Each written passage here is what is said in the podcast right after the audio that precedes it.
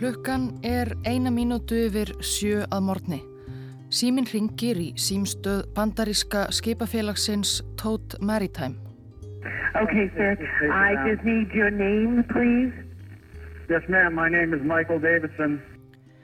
Maðurinn í símanum kynir sig sem Michael Davidson, skipstjóra á einu skipatóll, El Faro. Ship's name? El Faro. Spell that? E-L? Oh, man. The, the, the clock is ticking. Can I please speak with a QI? En skipstjórin hefur ekki tíma til að stafa nafn skipsins ofan í konuna í símanum. Klukkan tifar, segir hann. Hann verður að tala við yfirbóðara. Þetta er neyðartilvik. I have a marine emergency.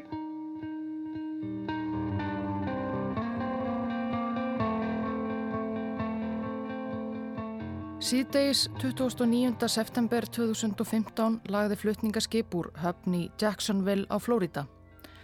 El Faro var 240 metra langt, ansi stort en þó nokkuð minna en risavaksinn flutningaskip síðari ára. En það var El Faro, vitin á spænsku, orðið 40 ára gamalt.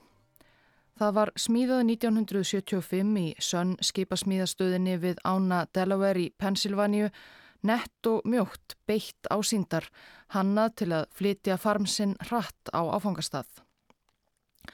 Þetta var svo kallað ekju eða róróskip með stærðarinnar hlera í stefni og skuti svo auðveldlega væri hægt að aka vöruflutningabílum um borð og frá borði allt til að halda lestunar og löndunar tíma við höfn í lámarki. Skipið, eitt af nokkrum áþekkum flutningaskipum sem smíðuð voru við bakka Delaware á 8. áratug síðustu aldar, fekk nafnið Puerto Rico. Það var nefnilega sérstaklega ætlað frá byrjun til að flytja varning frá meginlandi bandaríkjana til bandaríska yfiráðasvæðisins Puerto Rico, eigu í Karibahavi sem er rúma 1600 km suðaustur af síðsta 8 Flóridaskagans. Íbúar Puerto Rico þrjár miljónir, voru og eru algjörlega upp á skipaflutninga frá meginlandinu komnir með margt það sem þeir þarnast til daglegs lífs, frá livjum og matvöru til snirtivara, klæðnaðar, ráftækja, vörur sem gjarnan voru komnar enn lengra að utan úr heimi með öðrum flutningaskipum. Milli eigunar og meginlandsins eru því stöðugar og tíðar skipaferðir með vörur og varning og Róró-skipið Puerto Rico sildi við góðan orð stýrmilli austurstrandar Bandaríkjana og San Juan höfuborgar Puerto Rico í 15 ár á vegum Opimbers skipafélags Puerto Rico. 1992 kifti bandarist skipafélag Tote Maritime skipið og flutti það á vesturströndina. Í nokkur ár sildi það til Alaska. 2003 tók skipið smávægilegan þátt í Írakstríðinu með vöruflutningum á Persaflóa. Í kjölfarið voru svo gerðar breytingar á skipinu og það fekk nýtt nafn, El Faro. Frá því að það var hannað í byrjun 8. áratugar hafði orðið grundvallar breyting á vöruflutningum á sjó nefnilega. Heimsbyggðin hafði smám saman komið sér saman um staðlaða stærð vörugáma til flutninga á hafi sem hægt var að lifta með krönum upp á þilfar skipa og stapla eins og stórum legoköpum úr stáli. Í stað ró-ró skipana, roll-on, roll-off, sem farmi var ekið um borði, voru nýflutningaskip, gámaskip, kölluð lólóskip, lift-on, lift-off og skipin urðu stærri og breyðari til að hægt væri að stapla á þau fleiri gámaköpum því vörurnar urðu jú sífælt fleiri sem flytja þurfti hafna og landa á milli, fleiri fött, fleiri ráftæki, fleiri framandi ávextir. 2003 var þilfari elfar og breytt til að hægt væri að stapla þar gámum og flytja enn meiri farm en það sem komst fyrir undir þilfari. Og 29. september 2015 var El Faro full hlaðið. Farmurinn ofan þilfars og neðan rúm 11 miljón kíló af vörum og varningi í 628 gámum, 118 fluttningavögnum og 149 bílum, frostnir, kjúklingar, snirtivara, fött, búslóðir, farmur metin á 2 miljónir dollara. Og um borð var auðvitað líka mannfólk, 33 manneskjur, 28 bandaríkja menn og 5 pólskir skipasmiðir komnir til að vinna að viðgerðum um borð. Framundan var venjubundin sigling til San Juan, tveir og hálfur dagur á sjó, rúmra 2000 km sigling í suðaustur.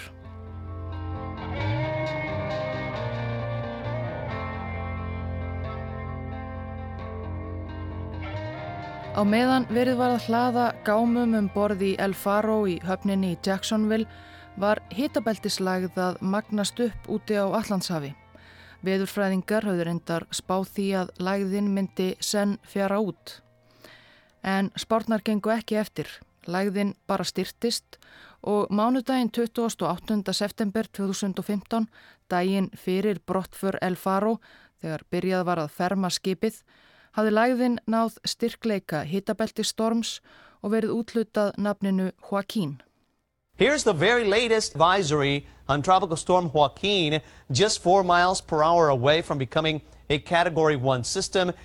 Skipstjóri El Faro, Michael Davidson, fyldist vitaskuld með veðurfréttum dagana fyrir brottför til San Juan.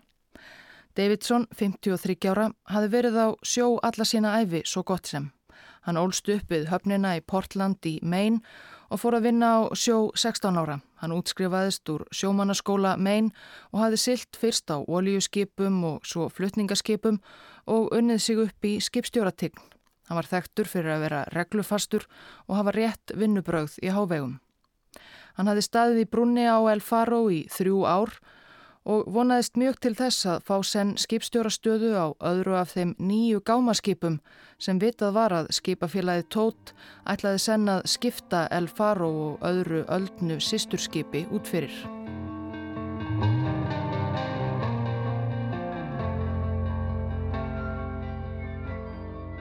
Hlustendur geta getið sér þess til að það fór ekki vel fyrir El Faro, annars væri ég líklega ekki að segja þessa sögum. En rétt er að taka fram að við vitum óvenju mikið með það sem oft erum við líka hamfarir á sjó um það sem framfórum borði í El Faro í óheila ferð þessum mánaðamótin september-oktober 2015. Ástæðan er eins konar svartur kassi skipsins sem rannsóknar nefnd samgönguslisa í bandaríkunum rannsakaði síðar meir. Meðal þess sem svarti kassin gerði var að taka upp samtöl fólks í brúni. NTSB, National Transportation Safety Board, hafði því aðgangaðum 26 klukkustundum af samtölum áhafnarinnar. Þessar upptökur voru aldrei gerðar opimberar en nákvæm uppskrift var byrt í loka skýrslu rannsóknarnemdarinnar og í þá uppskrift verður vitnað hér.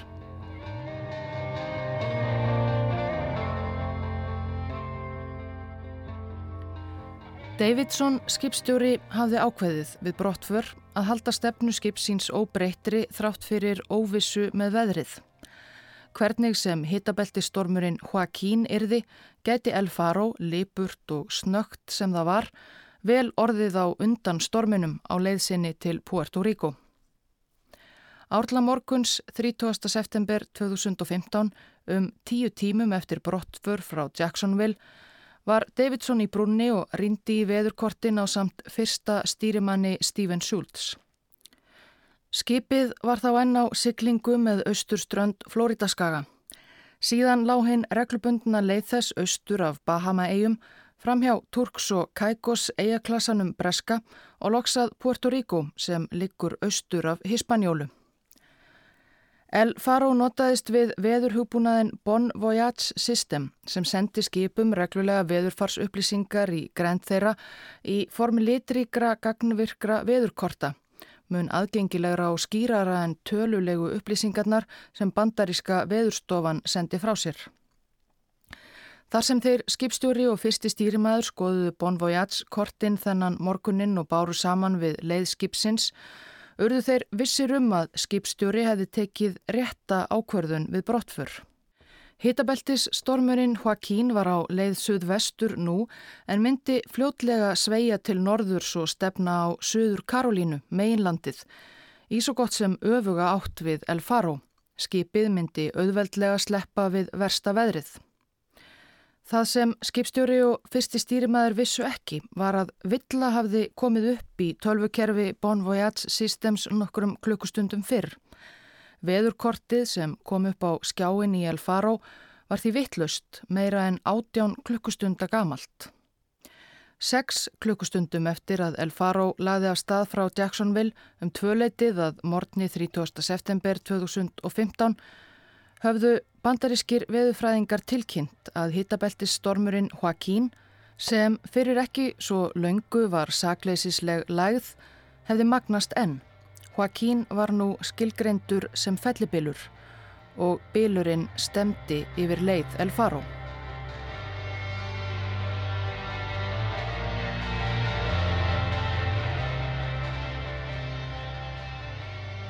En þetta vissu Davidson og Schultz sum sé ekki. Þeir töldu sig góða með að stefna skipinu örlítið lengra í söður en venjulega til öryggis. Þannig erðu þeir aldrei nær auga stormsins en tæpa 100 kilometra. Kanski erði dálítið vond í sjóin á leiðinni. Davidson skipaði Schultz að tryggja að allur farmur væri vel skorðaður og fastur. Þetta ætti að vera í lægi, heyrðist skipstjórin segja á upptökunni úr brúni. Þetta verður í lægi. Ekki ætti að vera í lægi. Þetta verður í lægi.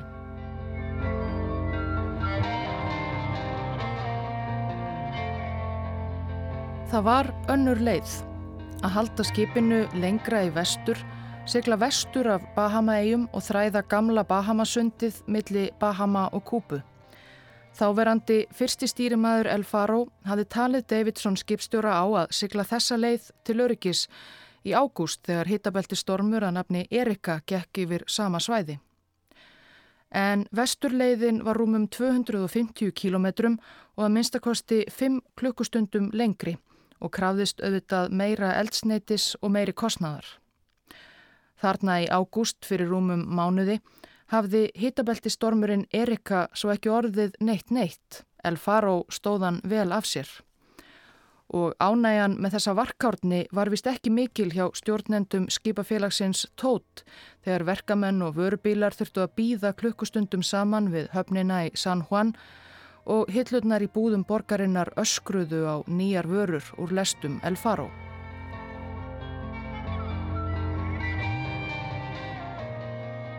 Skömmu fyrir hátegi 30. september voru vaktaskipti í brúni á El Faro. Daniel Randolph, annar stýrimaður og Larry Davis, rórmaður, tóku við stjórn skipsins. Skipstjórin var farin í káetu að sinna skíslugerð. Tilkynnti tót skipafélaginu að skipið væri á áætlun áleiðist til Puerto Rico. Daniel Randolph, 34 ára, var útskrifuð úr sama sjómannaskóla og skipstjórin átti langan ferilað baki þrátt fyrir ungan aldur.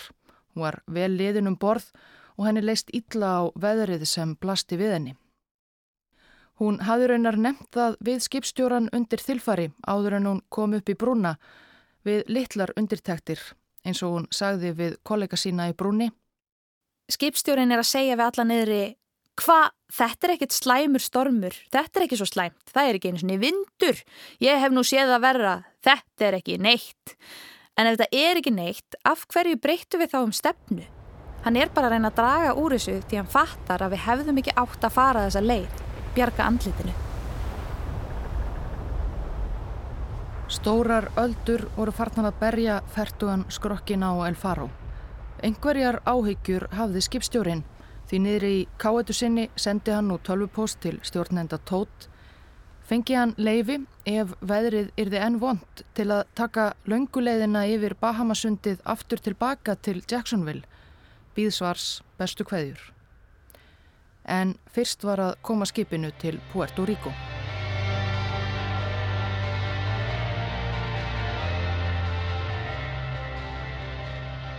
Korter í 5 síðdegis 30. september bárust nýjar veðurupplýsingar í gegnum gerfinött frá bandarísku fellibiljastofnuninni. Ólíkt litríku veðurkortunum frá Bon Voyage kerfinu voru tölurnar frá fellibilja stopnuninni glæ nýjar. Annar stýrimaður Daniel Randolph ringdi í tölurnar og kortin með rórmanninum Davis. Spekuleringar þeirra náðust á upptökutækin í brúni. Sko, Tvö í nótt ætti stormurinn að vera akkurat hérna. Hún benti á punkt á kortinu rétt utan við Bahama-eiguna San Salvador og helt áfram að reikna. Sjáum hvar við verðum. Við verðum akkurat hérna með honum. Lítur út fyrir að stormurinn stefni beint á okkur. Þú lítur að vera grínast í mér. Davis tók undir. Við verðum raskjelt, sagðan. Randolf var nú ímsvön en samt. Við erum á leið beint inn í auga anskotan stormsins.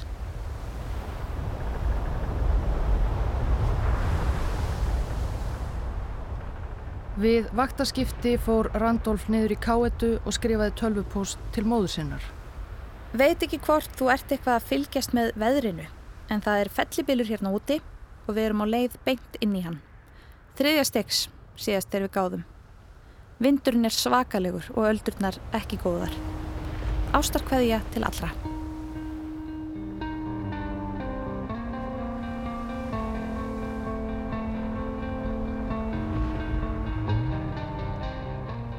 Við sólsetur voru skíin yfir El Faro orðin mjög þung.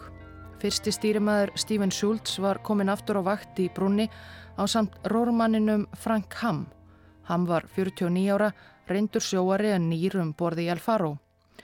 Davidson skipstjóri kom upp. Hann var með ný veðurkort frá Bon Voyage. Líkt og með fyrri kort frá tölvukerfinu voru upplýsingarnar sem þau byggðu á margra klukkustundagömul og gjör úrelt í tilfelli Joaquín sem breyttist mun hraðar en veðurfræðingar áttu von á. En Davidson vissi það ekki. Þetta leiti ekki svo illa út. Skipið er þið bara rétt í jæðri fellibilsins. Reyndar ákvaðskipstjóri í samráði við Schultz fyrsta stýrimann að breyta aðeins aftur um stefnu fara vestur fyrir San Salvador eigu en ekki austur. Eian myndi skíla skipinu fyrir versta ölduganginum. Þriðji stýrimaður Jeremy Rím mætti á næturvakt í brunni klukkan átta. Hann hafði verið undir þilfari að horfa á veðurfréttinnar á Weather Channel. Veðurfræðingar á landi einbyttu sér að mögulegum áhrifum þegar Joaquín næði ströndu bandaríkjana en samkvæmt þeim var fellibilurinn þegar orðin mun upplugri en veðurkortin sem El Faro fekk í gegnum Bon Voyage gáfi til kynna. Rím hafði áhyggjur. En kollegar hans virtust ekki hafa sömu áhyggjur af því að ekki væri samræmi milli spárinnar frá tölvukerfinu og á Weather Channel. Þegar síðasta vakt var farin úr brunni rætti Rím við félagasinn Jack Jackson sem stóð og rindi út í myrkrið og hann var áhugjufullur líka. Sjáum hvernig þetta fer. Við getum ekki stungið hann af. Hann er öfluri en við heldum, en hann á að sveia af leið hérna, fari norður. En hvað ef hann gerir það ekki? Hvað ef við lendum of nálagt, festumst millið þessara eiga hérna og bylurinn fer yfir okkur? Það er það sem ég hef ágjur af. Ég veit að ekki, kannski er ég bara heigull. Ég hef á tilfinninguna eitthvað slæmt eg eftir að gerast. Kannski gerist ekkert. Kanski verður þetta bara allt í fína.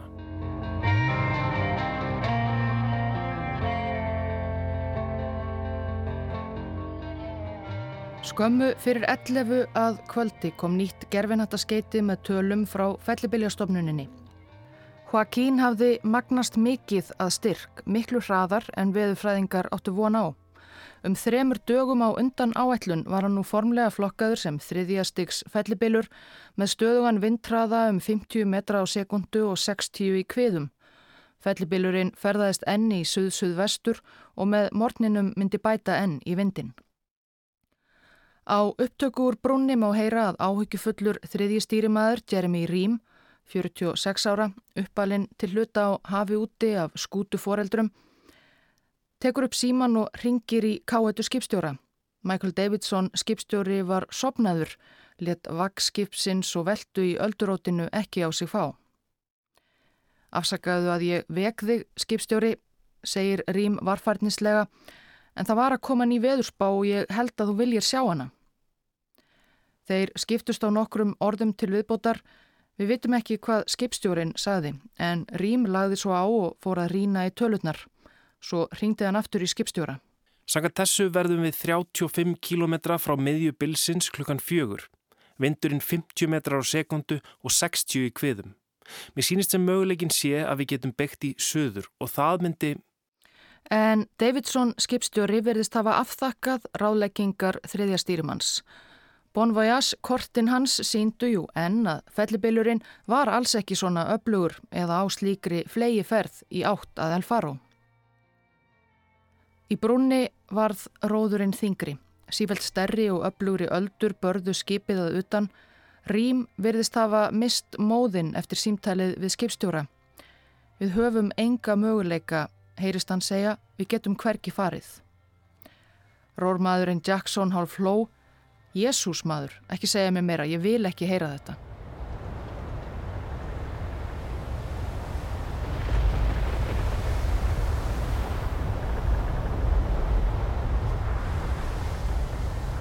Annar stýrimaður Daniel Randolph var mætt aftur í brunna upp úr miðnætti.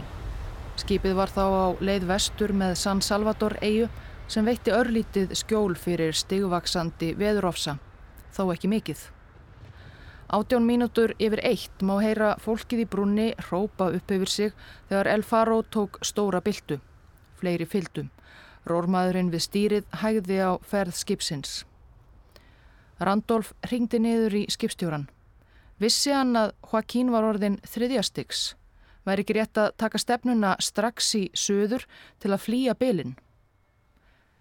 En skipstjórin í káetu sinni neytaði, fulla ferð áfram. Í brúni endur tók Randolf fyrirmæli skipstjórans hlæjandi og bætti við haldið í raskinatnar á ekkur.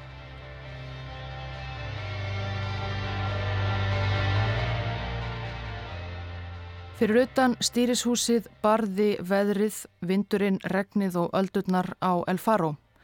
Skipið var í það elsta, 41 árs tæplega, en því hafði verið haldið sæmilega við. Þetta var alls engin riðdallur, en þessar aðstæður voru í það mesta.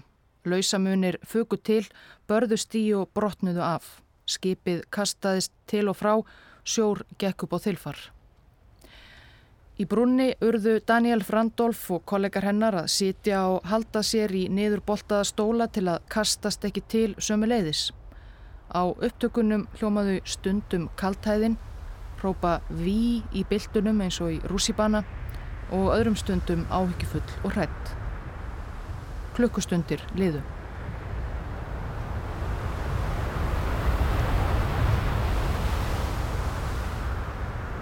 Fyrsti stýrimaður Schultz og félagi hans Frank Hamm mættu á vaktina korter í fjögur aðfara nótt 1. oktober 2015.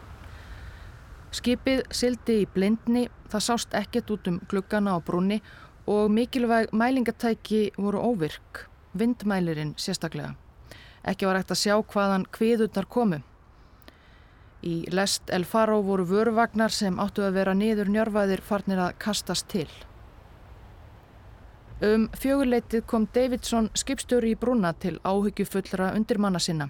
Hann hafi verið sofandi allan hennan tíma. Ekkert að þessu strákar, saðan, ég svaf eins og unga bann. Sjúlts næstræðandi um borð efaðist um það. Hva, gast þú ekki sofið, saði skipstjórin. Svona er sko hver dagur á siglingum í Alaska. Skipstjórin fór svo að sinna öðru. Um svipaleitir hingdi símin í brúni. Klukkan var 4.41. Það var yfir velstjórin, skipið var komið með svo mikla slagsíðu á stjórnborða að botnskálar sem sáum að halda megin vel skipsins smurðri voru farnar að vera með vesen. Og fleiri slæmar frettir bárust í sífellu. Farmurinn var allur komin í ruggl. Rórmaðurinn Ham, nýrum borði í Alfaro, gatt vartla staðið uppréttur.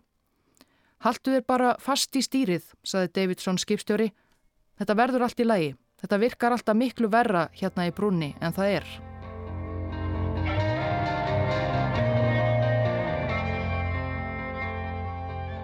Um þetta leiti, 5 aðfaranótt 1. oktober, má gera ráð fyrir að áhöfn El Faro hafi löngu verið búin að missa sjónar á því nákamlega hvar þau voru niðurkomin í myrkrinu og öldurótinu.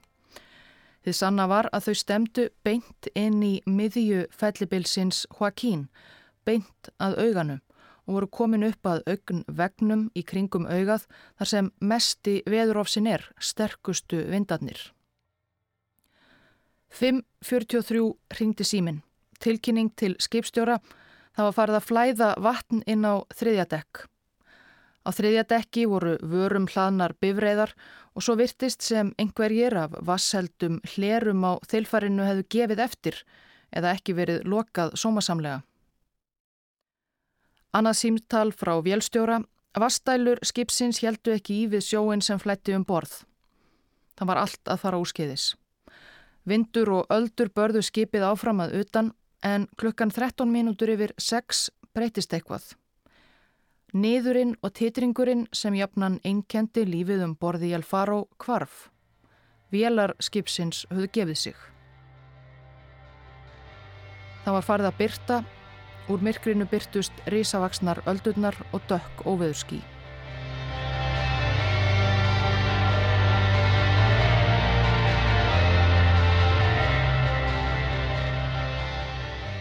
Fólkið í brunni á El Faro gæti ekki staðið upprétt án þess að halda sér í handrið og annað sem fast var í hendi. Daniel Randolph ákvað þó að búa til kaffi. Hún var stolt af kaffigræjunum í brunni, malaði sjálf nýlega brendar bönir. Mjölk eða sigur, spurði hún kollega sína. Davidson skipstjóri vildi sigur, ham rórmaður splenda. Skipstjórin hljómaði nú bjart sín um að það versta veri afstæðið, versta veðrið og vélarnar hlitu að fara aftur í gang. En El Faro var ennað berjast um í augnvegg Joaquín og Joaquín var ennað sækja í sig veðrið.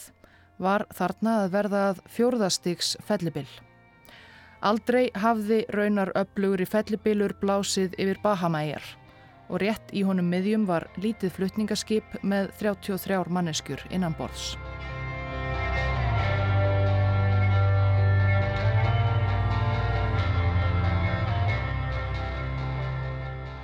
Eina mínútu í sjö á 50. morgni 1. oktober var John Lawrence að græja sig fyrir vinnudaginn heima í Jacksonville í Florida.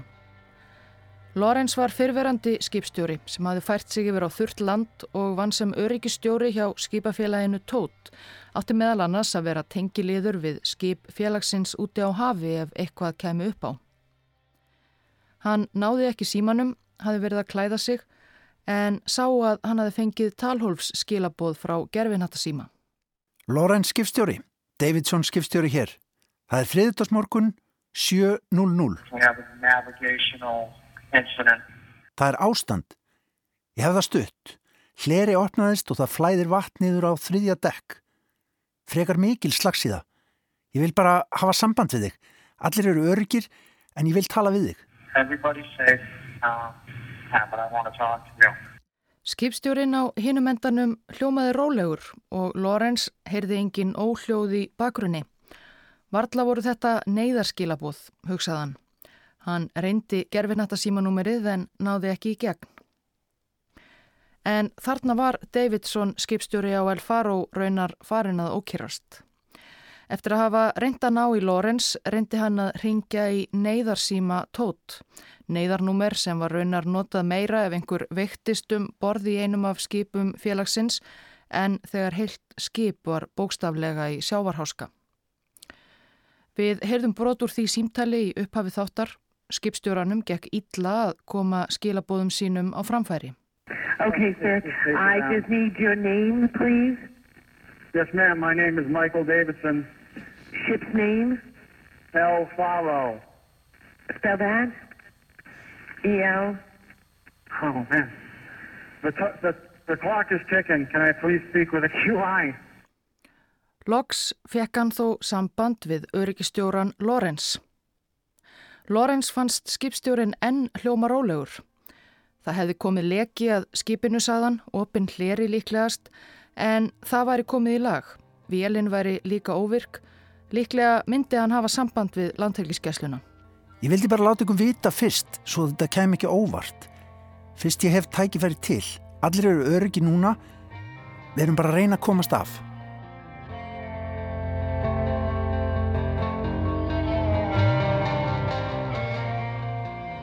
Þetta urðu síðustu orðin frá El Faro sem náðu til lands. 730 sendi skipið frá sér neyðarkall sem bandaríska landhelgiskeslan heyrði, eitt einasta neyðarkall og tilraunir gæslunar til að hafa samband við skipið báru ekki árangur. Heima hjá sér í Lettsview, norðanverðu Wisconsin, var Lori Bobilott, rítari á dýralæknastofu, að fara á fætur.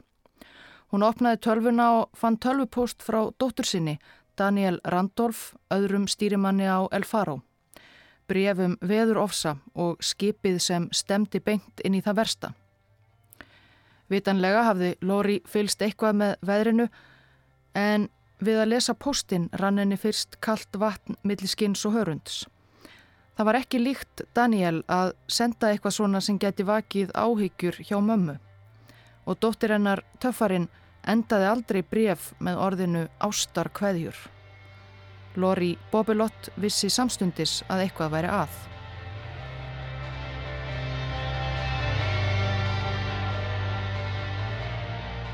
Upptakan í brúnni hjælt áfram, svo við vitum að eftir neyðarkallið let Davidson skipstjóri vekja alla í áhöfninni. Um borði í El Faro voru 33 að honum sjálfum meðtöldum, eflust voru fáir sem hafðu sofið mikill í þeim stór sjó sem skipið hafði barist í gegnum undanfarnar klukkustundir. Schultz, fyrsti stýrimaður, tilkynnti 15 mínútur yfir sjö að enn flætti vatn inn í skipið, óvist hvaðan það kæmi eða hvernig mætti stöðva lekan. Þeir sem heyrt hafa upptökurnar úr Brú El Faro, rannsakendur, rannsóknanemdar samgönguslisa í bandaríkunum, segja að allir hafi enn haldið rósinni þrátt fyrir aðstæður.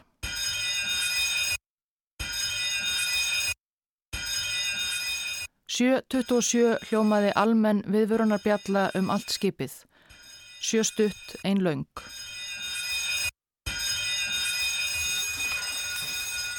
Tveimur mínutum síðar hrópaði Daniel Randolph að gámatnir á þilfari verður farnir að fljúa fyrir borð. Þá gaf skipstjórin skipun um að yfirgefa skipið. Allir af, allir saman.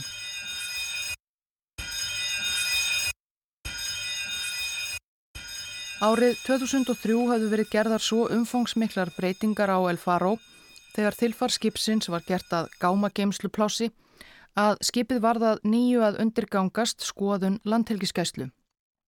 Meðal þessum eftirlitsmenn gerðu aðtöðasemd við voru björgunabátar skipsins.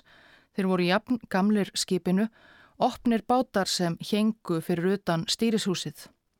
Opnir bátar bara eins og á Titanic í den sem veittu lítið skjól í verstu veðrum. Bandarísk yfirvöld höfðu krafist þess frá 1986 að skip væru búin yfirbyggðum björgunabátum. En skipafélagið tótt barðist ötulega fyrir því að fá undanþáu frá því að þurfa að skipta út björgunabátunum á El Faro. Óvist er hvort nýri björgunabátar hefðu getað bjargað einhverjum um borði skipinu í miðjum fellibill en það var allavega engin möguleiki eins og staðan var. Á upptökunni má ráða að Davidson skipstjóri og Schultz fyrsti stýrimaður skipuðu áhöfninni að koma sér í flottgalla og á stjórn borða skipsins sem stóð herra upp úr sjónum og upp í vindin. Kanski væri hægt að taka upp og komast upp í litlu björgunarflegana sem geimdir voru hjá björgunarbátunum gagslösu. Fólk klöngraðist út en í brunni stóð Frank Hamm, fimmbarna fadir, nýjasti rórmaðurinn á El Faro, sem steinrunin og hjælt sér í stýrið. Skipið hallaði svo mikið að þann treysti sér ekki til að sleppa takinu og reyna að klifra út. Skipstjórin reyndi að hvetja hann til að losa takið og koma til hans. Þeir voru þarna tveir eftir í brunni. Ætlar að skilja mig eftir, heyrist Hamm spyrja á upptökunni hendur hans ef til vill enn kreftar um stýrið á El Faro. Davidson svaraði, ég skilði ekki eftir, förum. Ham kallaði eftir línu eða stiga, hjálp. Ég er dauður, rópaðan. Nei, það ertu ekki, svaraði skipstjórin. Láar drunur heyrast á upptökunni. El Faro var að sökva. Klukkan var 7.39. Davidson og Ham voru enni í brúni. Skipstjórin hafi reynt að sannfæra rórmannin um að fylgja sér í átta mínútur. Hvað aðrir áhafnarliðar voru að gera á þessu stígi málsins veitum við ekki. Michael Davidson skipstjóri á síðustu greinilegu orðin á upptökunni Hann kallaði áfram til hams við stýrið. Það er komin tími til að koma hingað. 41 mínútu yfir sjö námu neðansjávar hljóðnemar bandarískra yfirvalda í Allandshafi sem jafnan hlusta eftir suði í kavbátum og söng kvala, mikinn ding, einhver staðar rétt fyrir utan Crooked Island, eina Bahamaeia. Engin sem hlustaði vissi það þá, en dingurinn var skrokkur flutningaskipsins El Faro að skella á hafsbótni.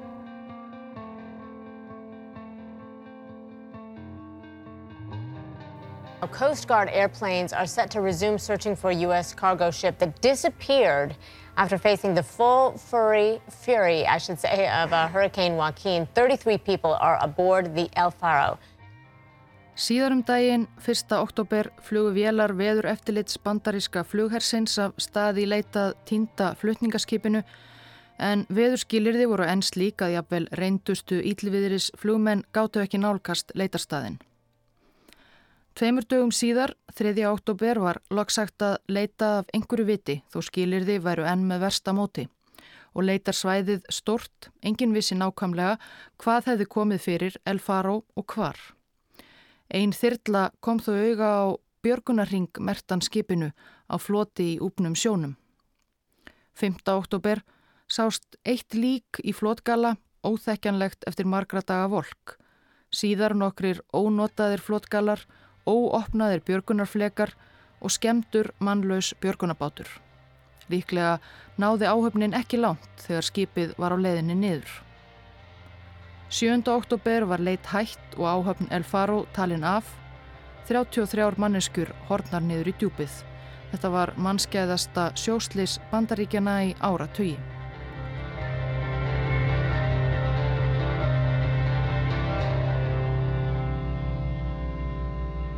Bandaríski sjóherrin fann loks flag El Faro á 4600 metra dýpi í lok oktober, cirka þar sem síðast hafði spurst til skipsins, einhverja 55 kilometra norðaustur af ströndu Bahama-eigunar Crooked Island. Flagið var á of miklu dýpi til að það kæmi til greina að reyna að ná því upp. Það tókst að finna svarta kassan með upptökunum úr brunni sem hér hefur verið vitnað í, Ekki var leitað að líkum um borð. Dagana eftir að El Faro kvarfi djúpið rak ímsan varning á land á Bahama-eigum, svitaliktar, eðisbrúsar og íþróttaskór í miklu magni. Niðurstaða rannsóknar hins opimbera var að margt hafi átt þátt í því að skipið fórst, eins og gerðnan er. El Faro var komið af léttasta skeiði margóft verið lappað upp á það sem kannski átti þátt í að það brást á augur stundu. Það var eitt og öryggisbúnaði um borð ábátavand að auki. Mísvísandi veðurupplýsingar sem bárust í brunna var annað. Veðurspáinn sem skipstjórin virtist reyða sig mest á var jafnan kól úrelt. Þá pressuðu eigendur skipsins á að því og vörunum um borð er þið komið í höfn á réttum tíma.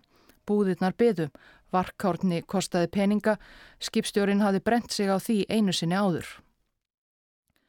Rannsóknar nefnd samgönguslisa lagði þó mesta ábyrð á Michael Davidson skipstjóra. Domgreindar og aðgerðarleysi skipstjóra allt þar til komið var í óefni. Hann hafði silt skipi sínu beint inn í auga fellibils. Á árunum eftir slísið höfðuðu nokkrir aðstandendur skipverja á El Faro Mála hendur skipafélaginu Tótt.